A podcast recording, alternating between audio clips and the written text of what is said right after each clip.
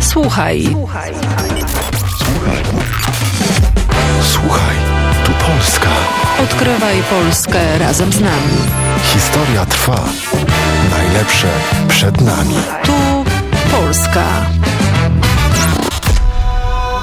Wiem, że mogłem dużo więcej. Koniec końców, dumny jestem. Nie wiedziałem, co to przestrzeń. Chyba było coś nie tak. Salon w kartonie, widziałem na stronie, że lotów balonem nie trzeba się bać. Graty w wazonie to jeszcze nie koniec, bo lotów nie muszę się bać. Jak próchno, wystarczył lekki dotyk czy słówko i poszarpany leciał na bruk już na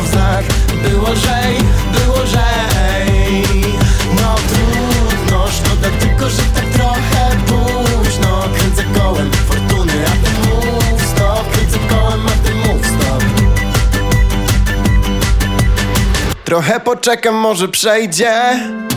Przerażenie w dużym mieście. Przecież dom twój tam, gdzie serce Dłużej nie mogłem tak stać. Salon w kartonie, widziałem na stronie Że lotów balonem nie trzeba się bać. Graty w wazonie to jeszcze nie koniec Bo lotów nie muszę się bać. Jak próchno, wystarczył lekki dotyk czy słówko na wznak Było lżej,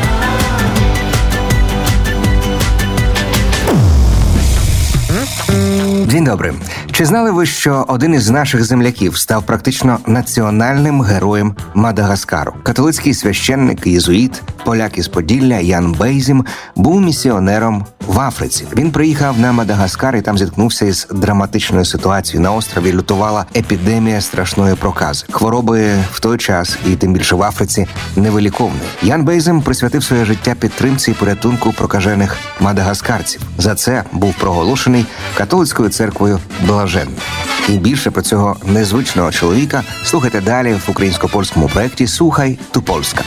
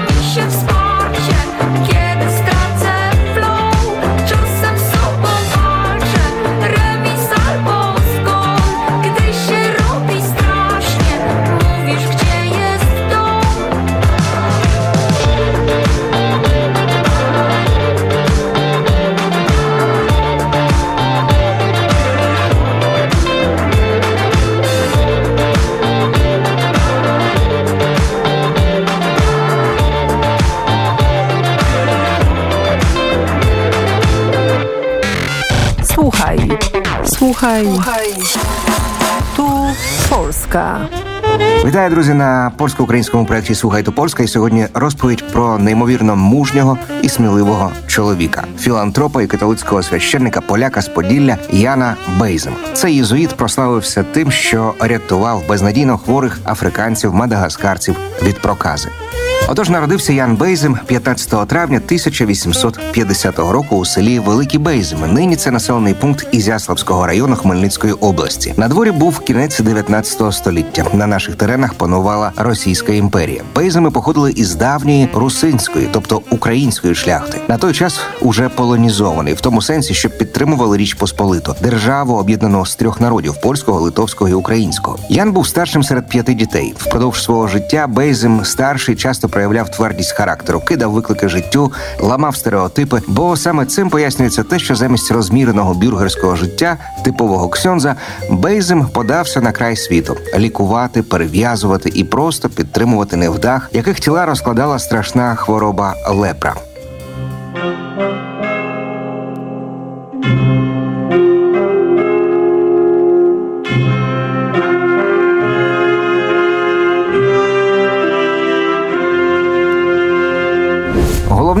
Уроком, засвоєним у ранньому віці, стали події, пов'язані із вибухом антиросійського повстання поляків у 1863 році. Бейзему на той час було 13. Партизанська війна поляків, литвинів та українців перейшла до історії під назвою Січневого повстання. Спочатку земля горіла під ногами в росіян, як на території сучасної східної Польщі, Білорусі та Поділлі і Волині. Однак боротьба була нерівною. Цар зібрав війська, і москалі змусили повстанців вмитися кров'ю. Ян Бейзем був свідком цих подій. Його батько граф зібрав загін однодумців і брав участь у боях із росіянами.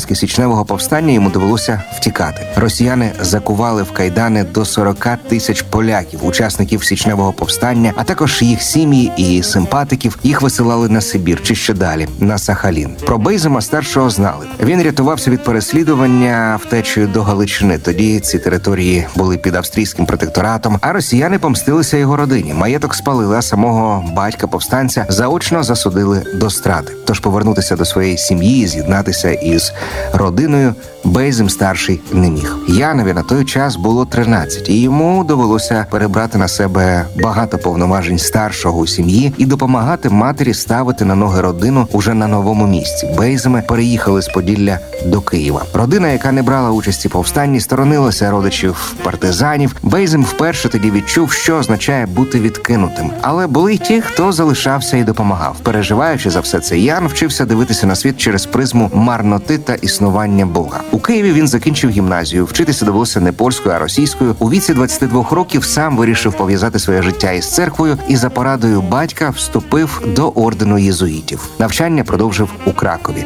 звідки повернувся робити перші кроки в душпастерстві у єзуїтському осередку в Тернополі. У 1891 році отці єзуїти побудували навчально-виховний заклад неподалік Львова. Вихованців з Тернополя перевели туди. З ними переїхав і Ян Бейзем, молодий священник. Тож він працював вихователем молоді в коледжі в Тернополі. Його педагогічні здібності помітили. І з 1896 року отець почав працювати вихователем молоді у відомому науково-виховному закладі отців єзуїтів у Хирові. Там він працював, якщо це сказати по-сучасному, з важкою молоддю і хворими. Вихованці та й сам отець Ян себе так називав, надали йому прізвисько Татарин. Отець Ян був татарського походження, мав східний тип обличчя і виглядав досить суворо, але під цією суворою зовнішністю було приховане велике і любляче серце. У вільні хвилини Бейзем займався квітникарством, різьбленням по дереву. Його пригода з Мадагаскаром розпочалася із прочитання книги Яна Велінгера Три роки між прокаженими. І про це в рамках програми Слуги до Польська слухайте далі.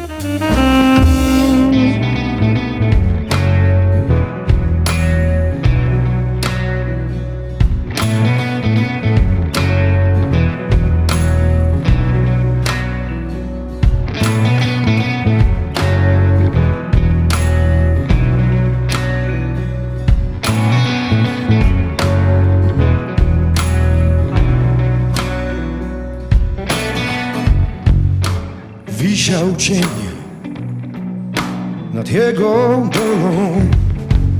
On był jak wilk nad własną zgubą. Chłód i blask polarną zorzą. Oczy jej źrenią siną. Nie zawróci jej nie zawróci rzeki biegu nie Doskonale wie I nie miał nic prócz samej wiary w to Że gdy spogląda w niebo Ktoś wysłucha jego. Prośby Na szerokie wody mnie Jak woda tu wpłyń na mnie. Na szerokie wody mnie weź Wirę mą szmyj, zgaś ranem Bo i grałem z ogniem, z ogniem I grałem Na szerokie wody mnie weź Wodą na młyn, bądź mnie Stąpał po ruchomych piaskach Przegapił swą ostatnią szansę. Ich serca to już inne miasta zgubiły dom, ich dusze bratnie. Nie zastąpi jej, a ona nie zastąpi jego nikim też. Musieli przez to przejść. A może był im, był pisany sztorm I wysłucha niebo zaniesionej dawno. Prośby na szerokie wody mnie weź woda tu wpłyń na mnie Na szerokie wody mnie weź Widę mą zgaś ranę bo i grałem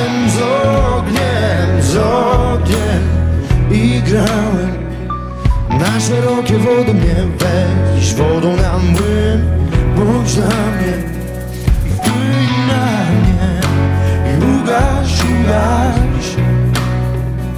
Bo mnie i ugaś, ugaś. Bo grałem z ogniem, z ogniem. I grałem, i grałem z ogniem, z ogniem I grałem, więc ugaś mnie. O Panie, jak woda wpływ Na mą ranę Bo i grałem z ogniem, z ogniem I grałem,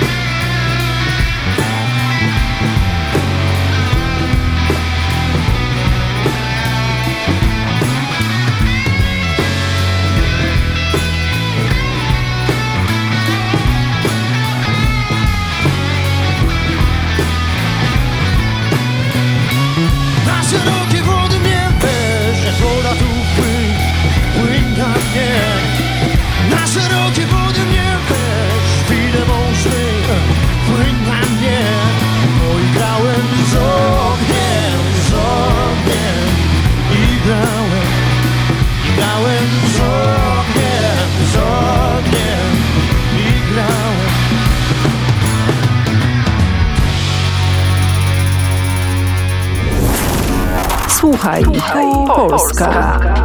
Пригода Яна Бейзема із далеким Мадагаскаром розпочалася із прочитання книги Яна Белінгера Три роки між прокаженими. Молодий священник загорівся думкою їхати в якесь із місць, де потребують милосердя, комусь служити. Єзуїтська місіонерська діяльність того часу це дозволяла. Бейзем спочатку хотів їхати в Індію, але не знав так добре англійської мови. Зате викладав в єзуїтському колегіумі і добре володів французькою. З далеких заморських франкомовних колоній він обрав Мадагаскар, який тоді був колонією армією Франції і вирішив плисти туди. У 1898 році, коли йому було 48 років, поляк, народжений в українському селі з Марселя, відплив до Мадагаскару допомагати людям, які страждають від чуми і прокази, тропічної інфекційної хвороби, від якої деформуються кінцівки, гниє обличчя, вражається нервова система. В історії місії на Мадагаскарі отець був першим священником, який поселився серед прокажек. Так він ламав бар'єри страху, прокляті зневаги, які відділяли цих хворих від власних сімей та суспільства.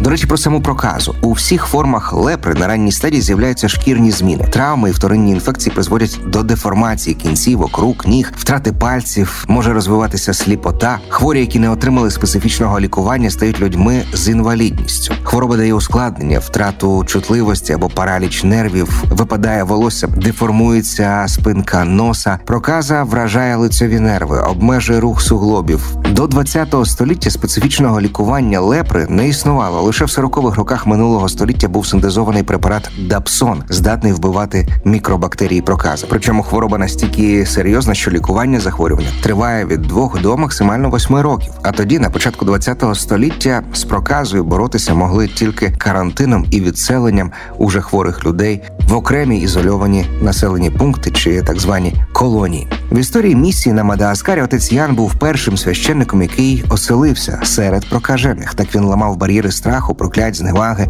які відділяли хворих від власних сімей та суспільства. Вже на другий день перебування у столиці Антананаріву в нього виникає гарячка. Температура піднімається вище 40. Місцеві заспокоюють. Кожен європеєць на Мадагаскарі переносить таку лихоманку. Це малярія.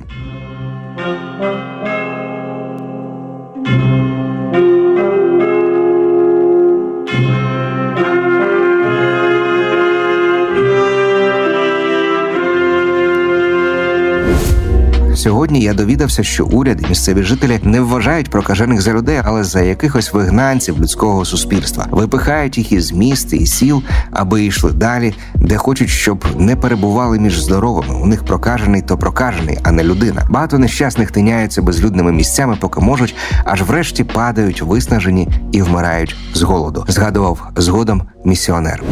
Через два місяці Ян Бейзем одужує і вирушає до поселення Амбагіворака за дві години ходу від Антананаріву.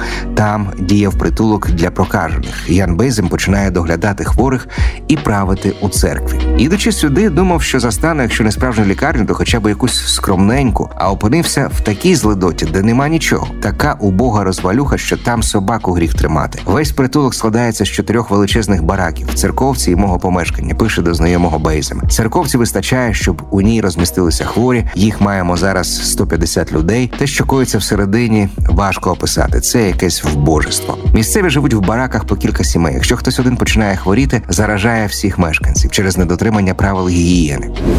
Ян Бейзем оселився неподалік цього притулку. Там були ще європейці, які допомагали йому вчити малагасійську мову. Назви для гречки і іншого збіжжя малагасійці не мають. кажуть без розбору валім базага, рис європейців. Тож весело мені було. Татарин під африканським небом сидить над мискою галицької гречаної каші. Як кажуть волинські селяни, де Крим, де Рим, а де дубові корчми.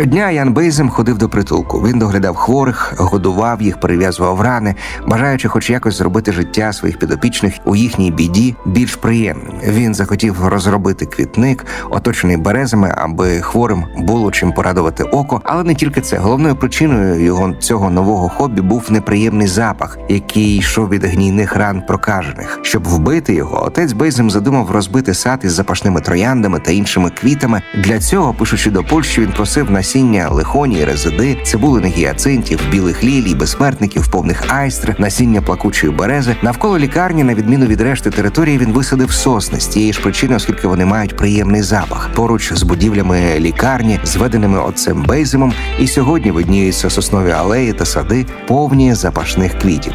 Це все спроектував і збудував єзуїт з Хмельниччини, отець Бейзем. Крім проказу, у притулку Бейзема ширилися інші інфекційні захворювання: сифіліс, лишаї, воші.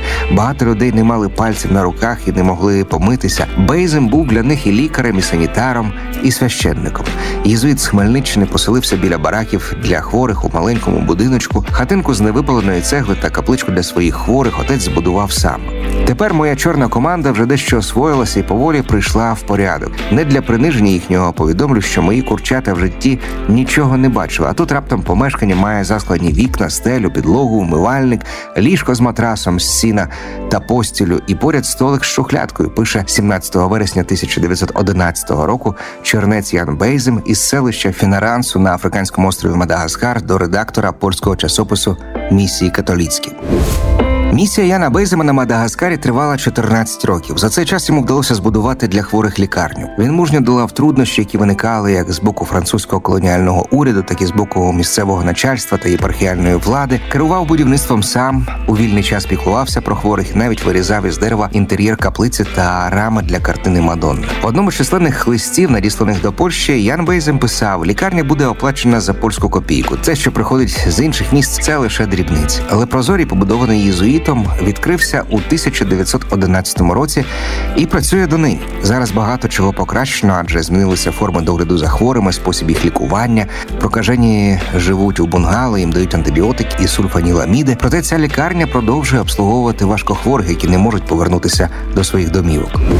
16 серпня 1911 року заклад прийняв своїх перших пацієнтів. До речі, виявилося, що хороше харчування, дотримання правил гігієни знижують ризик зараження та сповільнюють розвиток прокази. Завдяки цьому в притулку вдалося у кілька разів знизити смертність. Цю лікарню поділили на чоловічі та жіночі відділення, вводили правила гігієни та розпорядок дня. Хворих навчали катехизму і готували до релігійних практик та допомоги один одному. Всі пацієнти були зобов'язані носити форму. Чоловіки носили білі сорочки і шаровари, жінки білі спідниці і блузи. Отець Бейзем особисто навчав їх користуватися зручностями цивілізації. Однак така близькість із хворими не могла пройти безслідно. Отець захворів, і 2 жовтня 1912 року Ян Бейзем помер. Того ж дня кожен хворий, хто міг пересуватися, йшов, аби вклонитися йому. 18 серпня 2002 року папа римський Іван Павло II проголосив Яна Бейзема блаженним. Його ще називають блаженним апостолом прокажених. Притулок і лікарня, засновані єзуїтом Яном Бейземом, існують і досі. Про Бейзема знають у Польщі та на Мадагаскарі, і лише в Україні та на рідній Хмельниччині він і досі маловідомий.